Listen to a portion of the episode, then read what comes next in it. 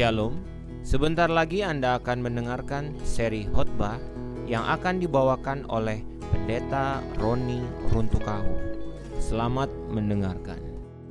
Bapak Ibu Saudara sekalian, prestasi yang paling tinggi, paling berharga, tetapi yang juga paling sukar untuk bisa kita raih, sebenarnya cuma satu. Saya ulangi sekali lagi, prestasi yang paling tinggi, paling berharga. Tetapi prestasi ini juga paling sukar untuk kita raih adalah menyukakan hati Bapa di sorga. Menyukakan hati Bapa di sorga. Karena untuk menyukakan hati Bapa di sorga, kita harus mengubah pola hidup kita. Dari kecenderungan menjalani hidup hanya untuk kesenangan diri kita sendiri, kepada sebuah pola hidup yang sesuai dengan selera Bapa di sorga.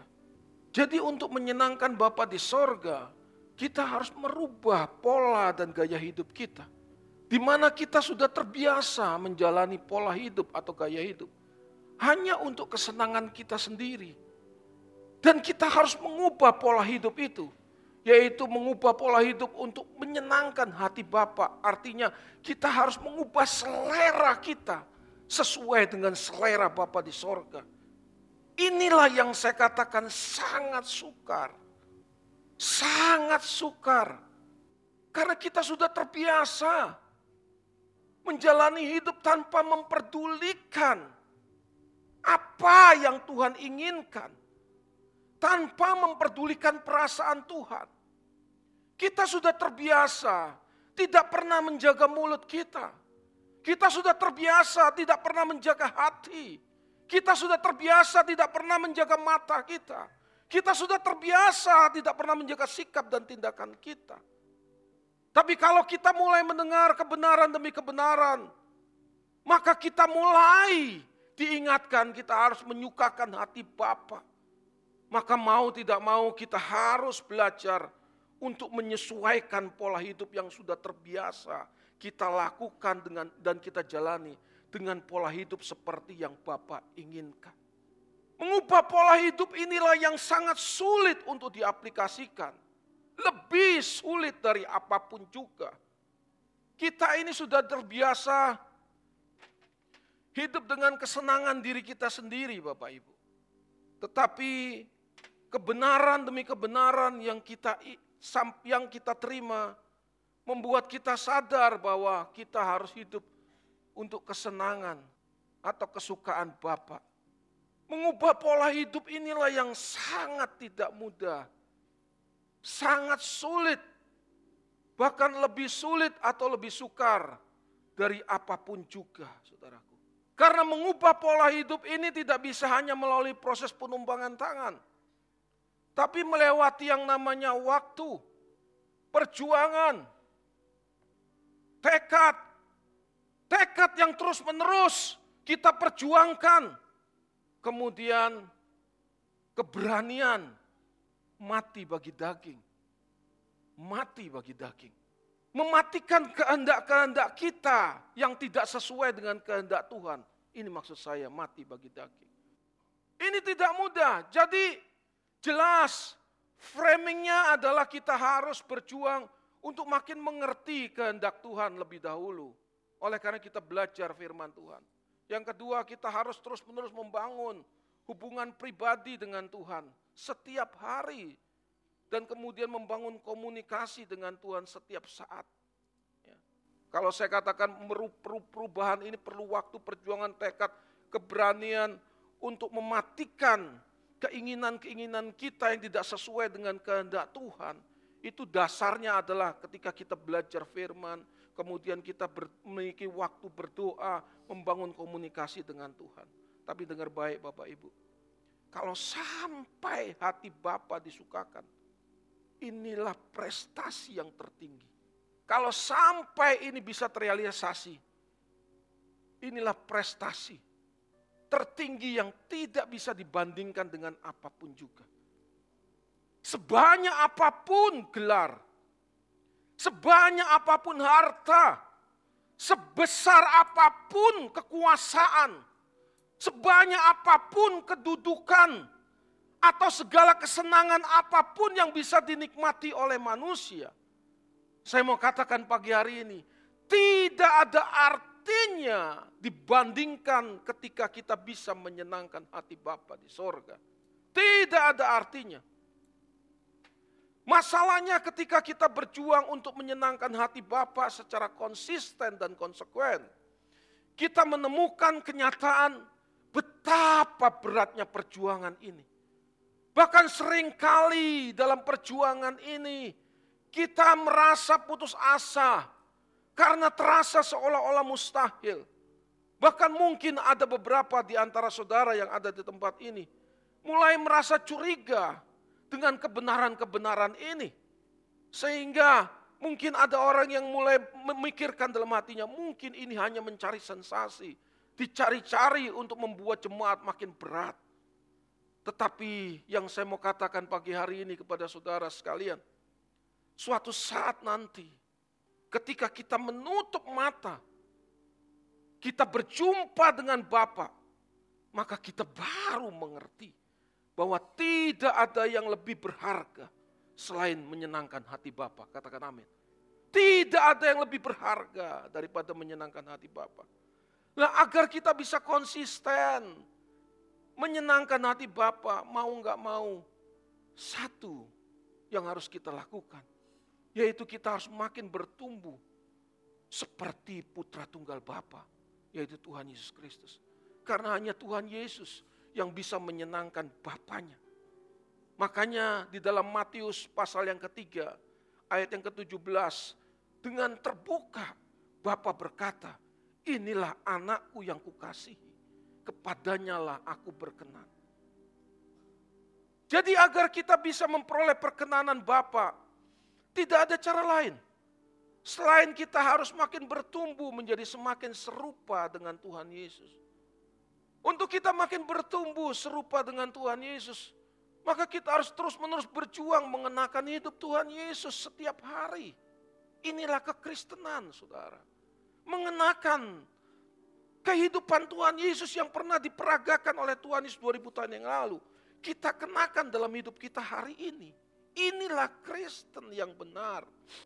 Tapi tidak banyak orang Kristen yang mengerti kebenaran ini.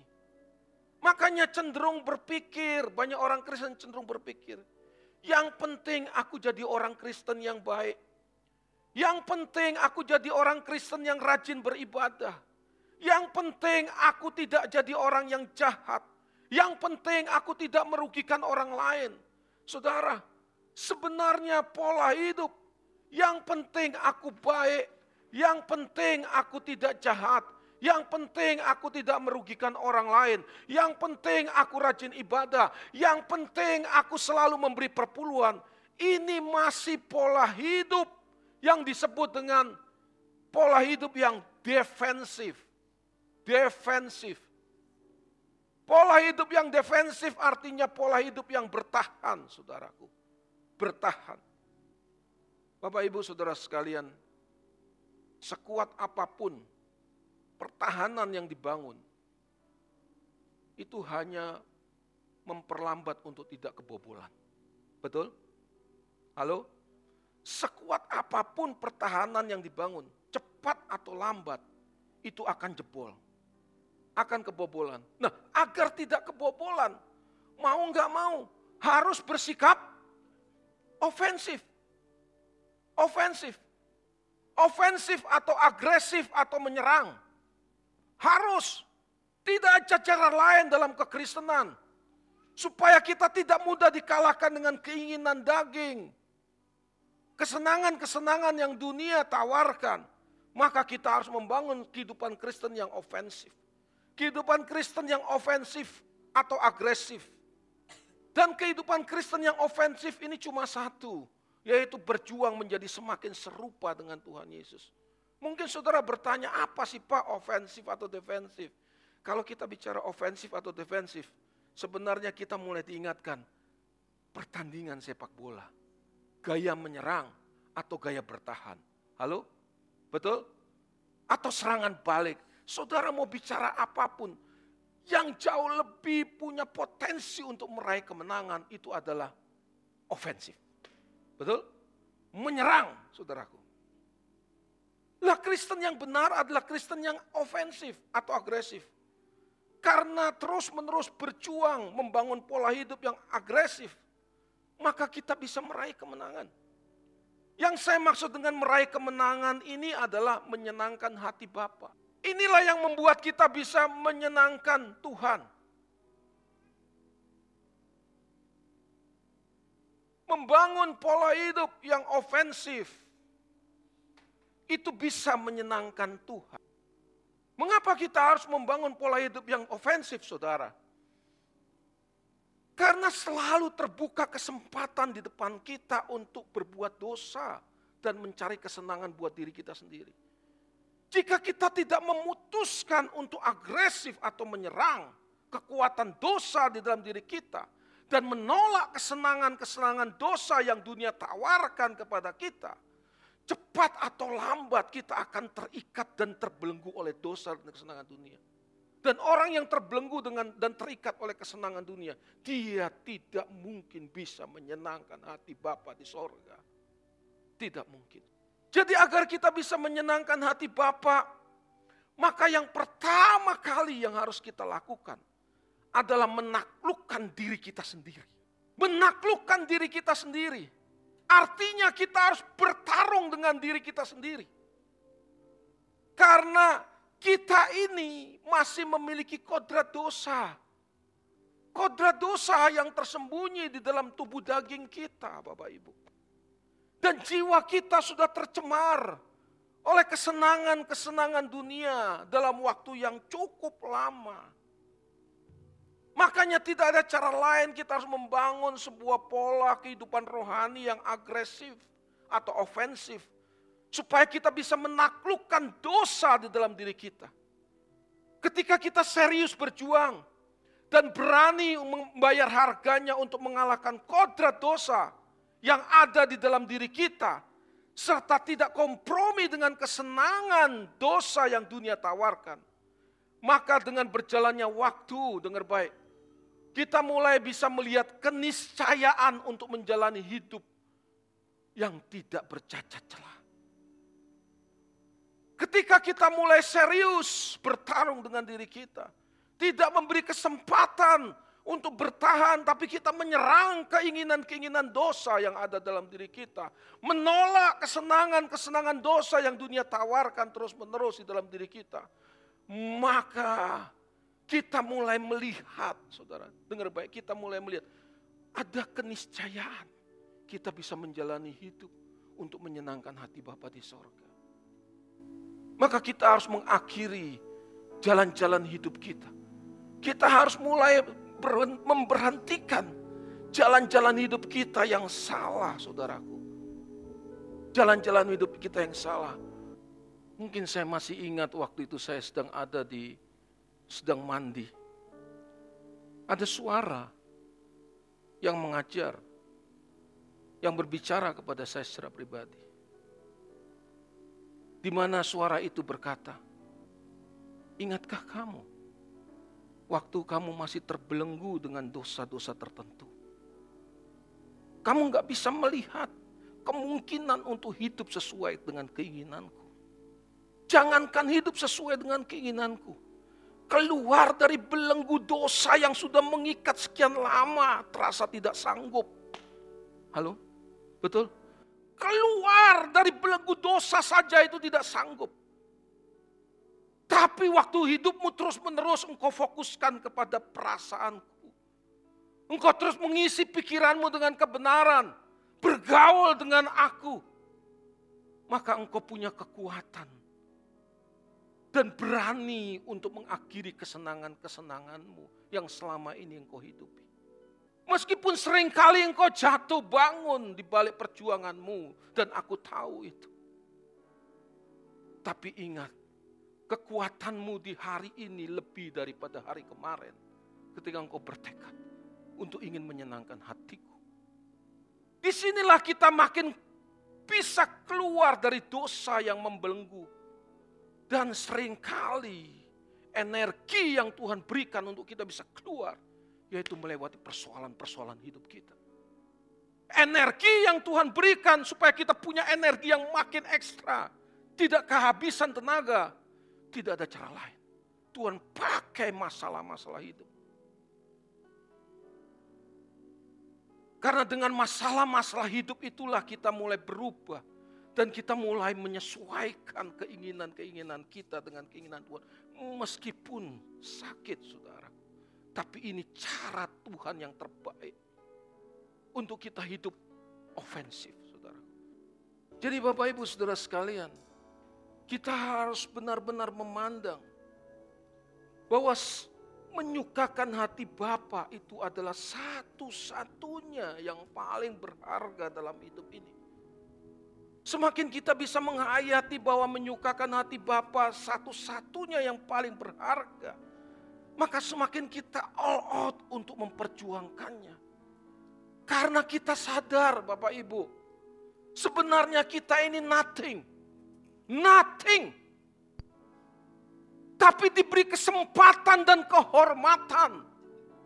Untuk menjadi anak dari Bapak yang memiliki seluruh jagat raya dan alam semesta.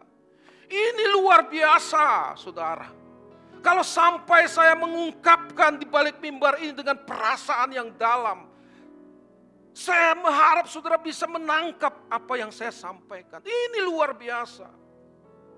Semakin kita bisa menghayati keagungan dan kedahsyatan Bapa yang memberi kesempatan kepada kita untuk menjadi anaknya maka semakin kita akan menunjukkan rasa syukur dan terima kasih kita.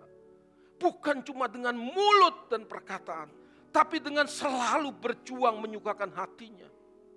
Mari saudara saya mengajak saudara untuk membayangkan. Kita ini hanya debu. Halo? Kita ini hanya debu. Bahkan sering kali kita harus jujur. Kita sering menyakiti hati Tuhan menyakiti hati Tuhan. Tapi meskipun demikian, Tuhan angkat derajat kita. Bahkan kita diberi kemuliaan untuk menjadi anaknya. Maka sudah seharusnya Bapak Ibu, kita menunjukkan rasa terima kasih kita. Di mana bentuk rasa terima kasih kita cuma satu. Berjuang untuk menyenangkan hatinya kalau kita menyadari bahwa kita diangkat menjadi anak dari Bapa yang Maha Tinggi, maka kita tidak boleh puas. Kalau kita menjalani hidup tidak melanggar hukum. Kalau kita menjalani hidup tidak melanggar hukum, kita tidak boleh puas karenanya, Bapak Ibu.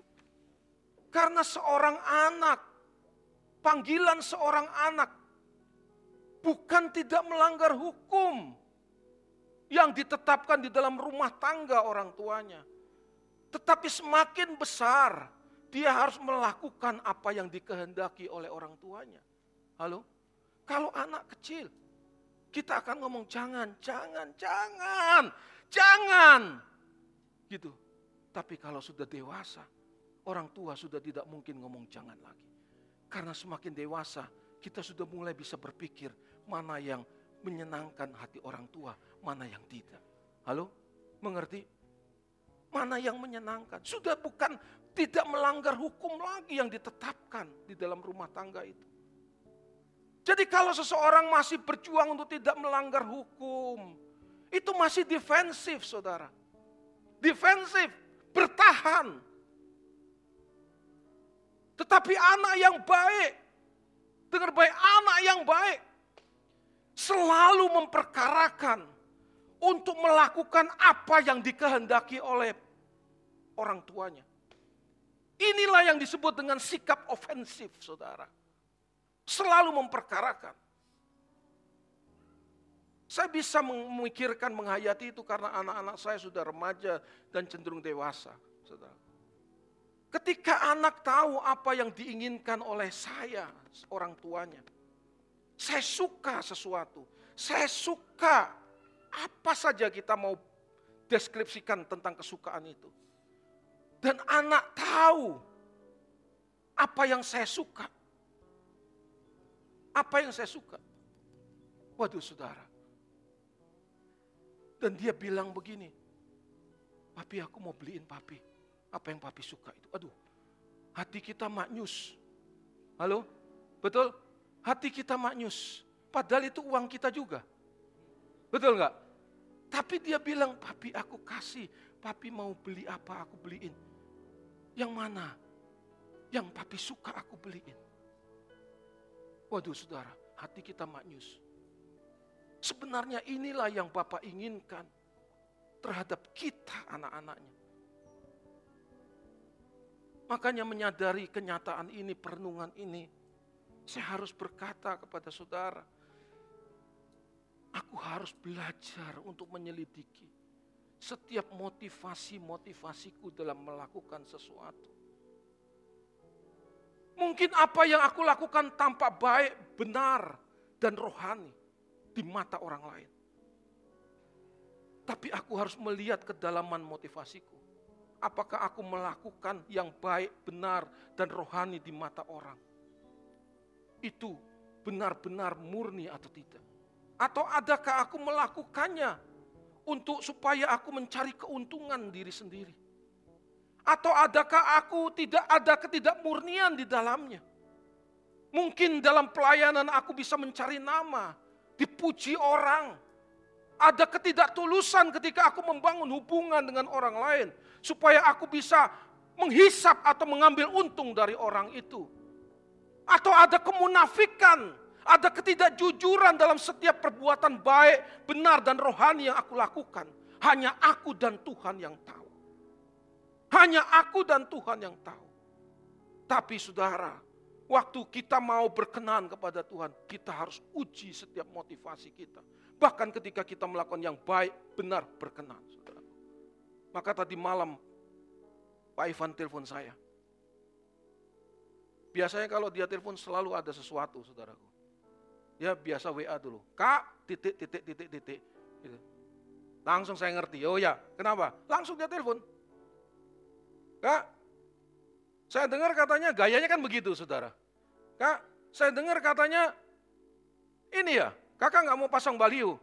Ya nggak usah untuk acara Natal tanggal 9. Kenapa kak? Kita nggak punya warna yang seperti itu. Kalau kalian mau sebarkan di medsos silahkan.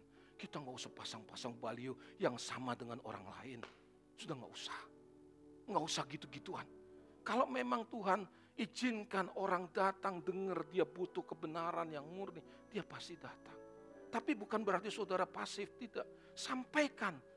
Mungkin bukan cuma kata-kata, tapi hidupmu yang mungkin mulai berubah. Waduh, itu kekuatan yang luar biasa daripada harus pasang baliho, saudaraku. Itu kekuatan.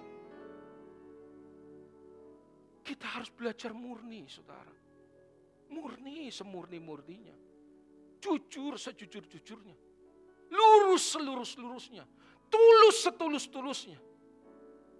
Inilah yang harus dibangun oleh orang-orang yang membangun manusia batinianya yang makin berkenan untuk Tuhan.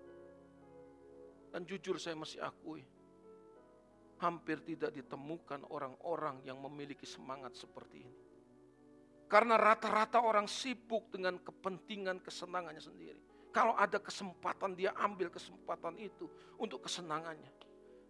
Tapi kalau pikiran kita semakin diperbaharui oleh kebenaran, kita makin memiliki hubungan yang makin real dan erat dengan Tuhan, kita makin bisa mengerti dan menghayati betapa berharganya ketika kita diberi kesempatan untuk bisa menyukakan hati Tuhan.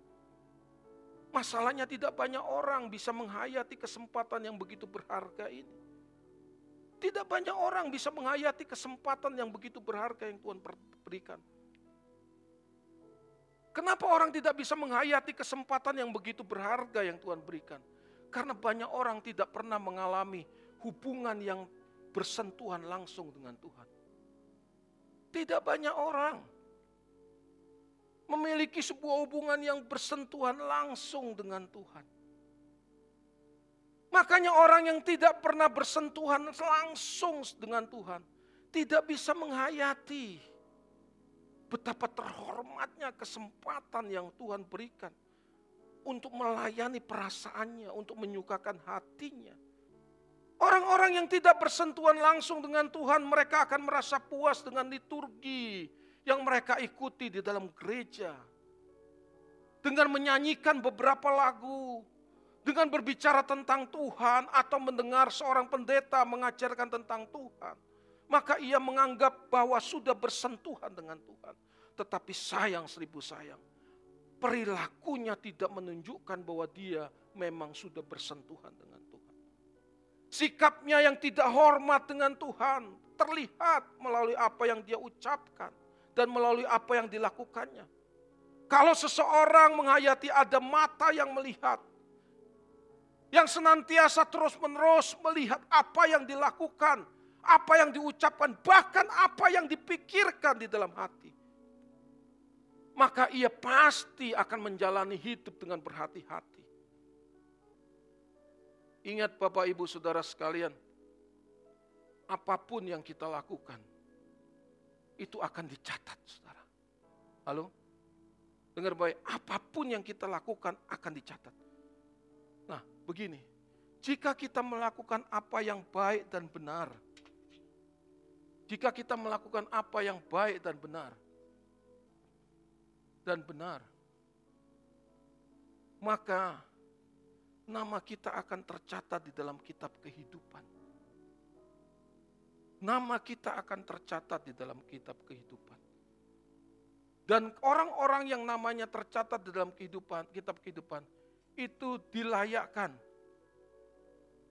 masuk dunia yang akan datang. Tapi waktu kita melakukan hal-hal yang berkenan, maka nama kita akan dicatat dalam kitab kehidupan anak domba. Inilah yang membuat seseorang dilayakkan untuk bersama dengan Tuhan Yesus. Memerintah bersama Yesus. Memerintah bersama Yesus. Kalau saya katakan bahwa hanya orang-orang seperti inilah yang namanya akan diabadikan.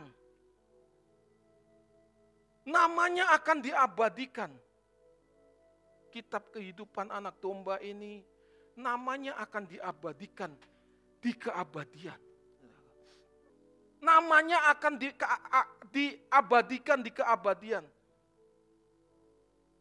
Nah, saudara harus mengerti kalau kita bicara tentang sorga.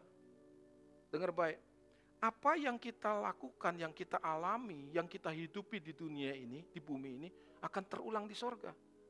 Halo? Betul? Bedanya di sorga tidak ada kejahatan, tidak ada penderitaan.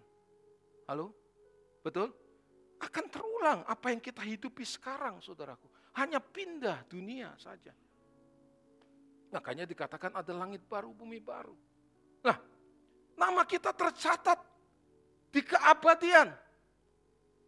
Nama kita tercatat dalam kitab kehidupan dan kitab kehidupan anak domba yang akan diabadikan selama-lamanya begini.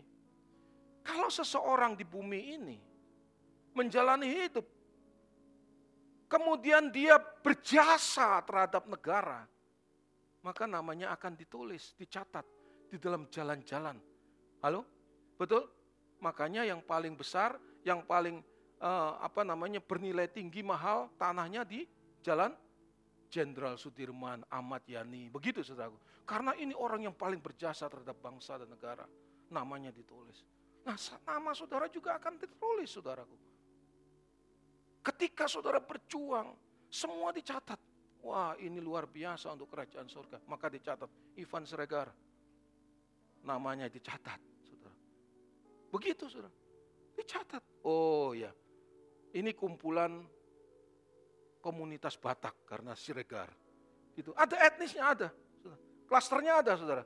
Ini yang masuk surga orang-orang Batak ini. Nama, protokol gitu. Ya kan? Tapi kalaupun tidak nama di nggak usah di protokol. Jalan poros nggak usah deh.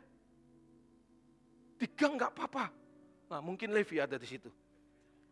Levi. Levi Joel Nender. Nah, itu ada. Nggak apa-apa di gang, yang penting kerajaan sorga tercatat.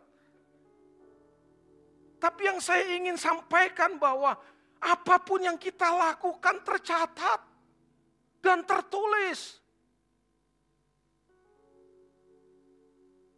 Makanya kita harus terus-menerus bersentuhan dengan Tuhan, saudaraku. Karena hanya dengan bersentuhan dengan Tuhan, hidup kita makin dibersihkan oleh Tuhan. Awalnya dosa-dosa yang tersembunyi, yang mungkin kita tidak ketahui, atau yang mungkin kita simpan, atau yang mungkin kita tidak sadari bahwa itu tidak menyukakan Tuhan. Tuhan mulai bicara kepada kita. Tuhan mulai bereskan saudaraku. Makanya tidak heran kalau sampai Tuhan Yesus berkata, aku menyertai kamu sampai kesudahan zaman. Artinya Tuhan ingin menuntun, membimbing, mengarahkan, mendidik dan membentuk kita langsung. Halo? Langsung yang kedua, mengapa tidak banyak orang bisa menghayati betapa berharganya kesempatan yang Tuhan berikan untuk menyenangkan hatinya. Yang kedua, karena tidak banyak orang hidup belajar dengan sungguh-sungguh dengan kebenaran. Sungguh-sungguh belajar kebenaran.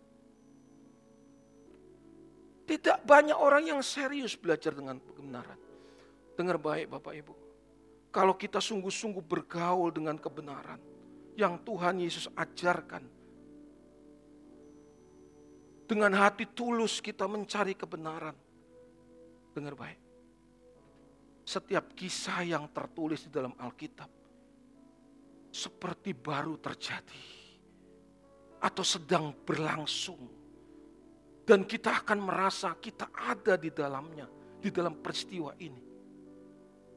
Di sinilah kita mulai menghayati bahwa Tuhan itu nyata.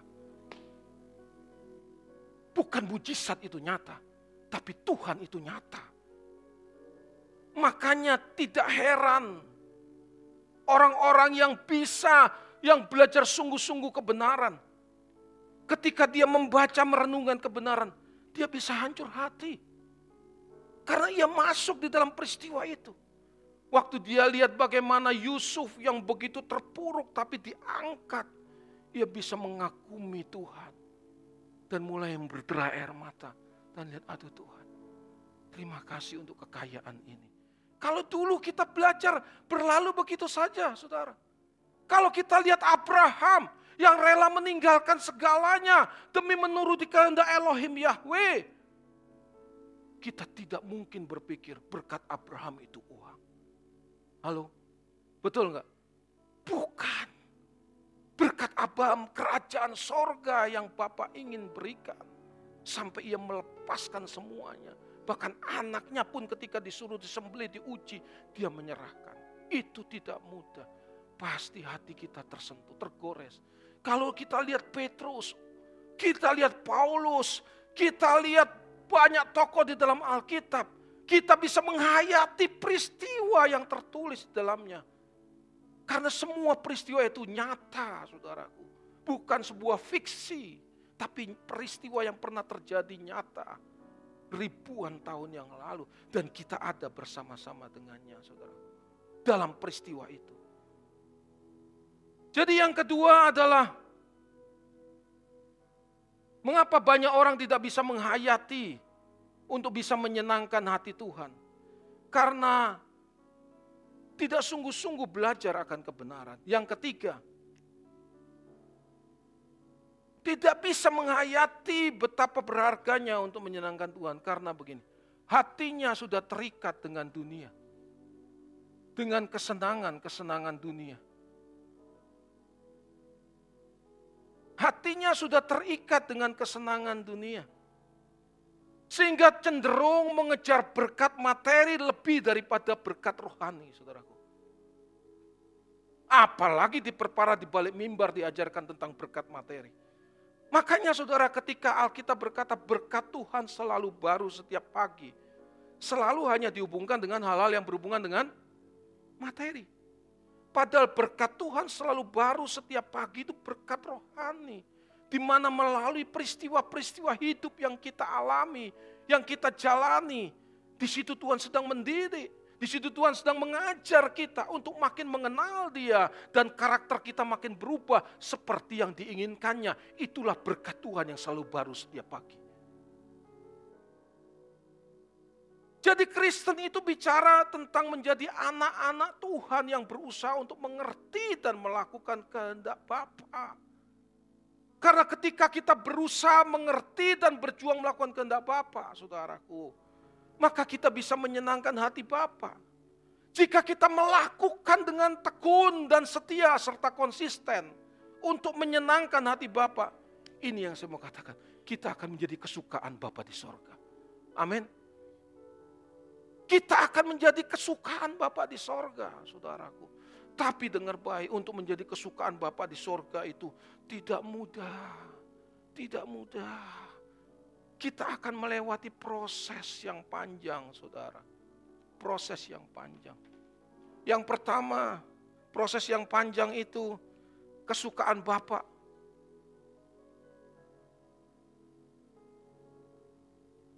Kita pasti akan melewati yang namanya masa-masa sendiri. Kita merasa, aduh, aku sendiri kita akan mengalami yang namanya kesepian yang hebat. Tapi dengar baik, sebenarnya kesepian yang hebat itu adalah cara Tuhan untuk mengingatkan kita bahwa kita datang sendiri, maka kita pun akan kembali sendiri lagi. Bapak, ibu, saudara sekalian, cepat atau lambat, kita akan bisa menyadari kok, kita akan menemukan kenyataan. Kita datang sendiri, kita kembali sendiri entah pasangan kita yang lebih dahulu berangkat atau kita berangkat sendiri. Halo? Kita berangkat sendiri. Sendiri. Maka untuk menyukakan hati Bapak, Tuhan mau, Bapak mau ada sebuah hubungan yang eksklusif antara kita dengan Bapak. Cuma kita dengan Bapak, di sinilah yang kita mengalami yang namanya kesepian yang hebat. Kesepian yang hebat. Kesepian yang hebat ini adalah cara yang terbaik yang Bapak izinkan terjadi Supaya kita sadar bahwa kamu nanti menghadap aku sendiri. Masalahnya tidak banyak orang mempersoalkan kenyataan ini, saudaraku. Bahwa suatu hari dia akan sendiri. Makanya untuk menjadi kesukaan Bapak yang salah satu Bapak izinkan kita akan menyadari kita sendiri. Kalau kita makin menyadari bahwa kita akan sendiri, kita makin serius untuk tidak mencari kesukaan kita. Kita makin serius untuk tidak cuma mengejar kesenangan kita akan kita akan terus mempermikirkan perasaan Tuhan. Masalahnya tidak banyak orang yang memikirkan perasaan Tuhan. Dan menjalani hidup tidak memikirkan perasaan Tuhan itu dianggap sebuah kewajaran. Padahal kewajaran seperti ini adalah musuh terselubung yang akan membahayakan kehidupan rohani kita anak-anak Tuhan. Makanya tidak heran saya ulang sekali lagi, banyak orang puas kalau dia tidak berbuat jahat. Kalau ia tidak merugikan orang lain. Kalau ia rajin ke gereja, aktif dalam pelayanan. Puas. Tapi inilah yang disebut dengan kewajaran. Kewajaran hidup. Kewajaran hidup anak dunia. Dan pola hidup seperti ini percayalah tidak mungkin bisa menyukakan hati Bapak. Makanya kita harus bergaul erat dengan Bapak. Bersentuhan secara langsung dengan Bapak melalui roh kudusnya. Sehingga kita makin peka akan pikiran dan perasaannya. Bapak ibu saudara sekalian. Saya harus jujur berkata kepada saudara. Setelah saya mengerti kebenaran ini, bukan berarti saya langsung otomatis menjadi tulus. Saya tidak ingin tidak tulus, saudaraku. Saya tidak ingin tidak tidak ada sedikit pun di dalam diri saya kelicikan. Tidak ada sedikit pun kepalsuan. Saya sudah tidak ingin lagi. Tapi saya masih jujur, sering kali itu timbul secara tiba-tiba. Timbul, masih timbul ada ketidaktulusan ada kemunafikan, ada ketidakjujuran, masih timbul. Timbul tiba-tiba padahal kita sudah tidak ingin. Tapi dengar baik, ketika kita serius bergaul erat dengan Tuhan. Bersentuhan secara langsung dengan Tuhan. Maka Tuhan pasti menegur. Halo? Dia akan bicara, Roni kamu tidak tulus tadi. Aduh Tuhan, ampun. Ini yang membuat kita makin dibersihkan saudara. Makin dibersihkan. Langsung Tuhan didik kita di tempat itu. Dan inilah yang disebut berkat Tuhan yang selalu baru setiap hari. Jadi berkat Tuhan bukan materi. Berkat Tuhan adalah pimpinan, tuntunan, didikan, pembentukan Tuhan. Supaya hidup kita makin dibersihkan oleh Tuhan dalam segala hal. Nah yang kedua, kalau kita ingin menjadi kesukaan Bapak, kita akan dibawa seolah-olah Tuhan mati. Ingat seolah-olah lo ya. Oi. Jangan sampai, uh, di gereja ini diajarkan Tuhan mati. Ini paling gampang untuk mengingatkan saudara. Seolah-olah Tuhan mati atau Tuhan tidak ada, saudara. Tuhan tidak ada. Kita sudah tidak bisa merasakan kehadirannya kadangkala, sering kali bahkan. Ketika kita alami pergumulan-pergumulan, kita mengharapkan Tuhan untuk menolong. Seolah-olah Tuhan tidak mendengar dan tidak peduli dengan masalah hidup yang kita alami. Sudah pernah alami itu? Ketika kita berbuat sesuatu yang menyenangkan Tuhan, kita tidak melihat Tuhan langsung disenangkan. Kita tidak melihat Tuhan tersenyum. Kita tidak melihat Tuhan memberikan penghargaan kepada kita. Seolah-olah Tuhan tidak ada dan Tuhan mati. Ketika kita berbuat dosa, seolah-olah Tuhan tidak melihat dan Tuhan tidak terganggu dengan perbuatan dosa yang kita lakukan. Tapi dalam kondisi inilah kita dilatih oleh Tuhan untuk belajar menjadi kesukaan Tuhan. Dalam kondisi inilah kita dilatih untuk tetap percaya. Tetap berjuang melakukan apa yang baik, benar, berkenan. Sehingga kita menyenangkan hatinya. Sehingga kita menyenangkan hatinya. Dalam kondisi ini Bapak Ibu, kita sedang dilatih oleh Tuhan. Jadi orang Kristen jangan pernah berpikir mengharapkan apa yang aku mau kalau aku berdoa Tuhan pasti tolong. Kadang-kadang Tuhan tidak tolong. Kadang-kadang Tuhan berseolah-olah diam, tidak peduli dengan persoalan-persoalan hidup kita. Ketika kita berbuat yang baik, benar, berkenan, Tuhan juga tidak peduli. Tapi di situ kita diuji. Apakah kita mau bertekad menjadi kesukaan Bapa atau tidak? Ketika kita berbuat dosa, Tuhan tidak menegur, Kan tidak ada petir langsung ada di depan kita, duer baru kita ingat. Ada seperti itu? Enggak. Kita buat dosa terus, saudaraku. Mulut ngomong terus yang tidak benar. Terus menjelekkan orang, terus gosipin orang. Terus merugikan orang, terus cari untung untuk diri sendiri dalam pergaulan, terus. Itu akan menumpuk menjadi kerak yang makin kuat untuk membelenggu hidup kita. Tapi kalau kita mau jadi kesukaan Bapak, kita habisin semua yang tidak berkenan. Kita minta Tuhan melalui roh kudusnya untuk menolong kita sampai kita mengakhiri pertandingan kita dengan baik dan benar dan kita tetap memelihara iman. Amin. Kita tetap memelihara iman. Sekian khotbah untuk hari ini. Jangan lupa untuk selalu mengikuti channel GSKI Making Life Better Balikpapan di YouTube, Spotify, dan Facebook. Sola Gracia.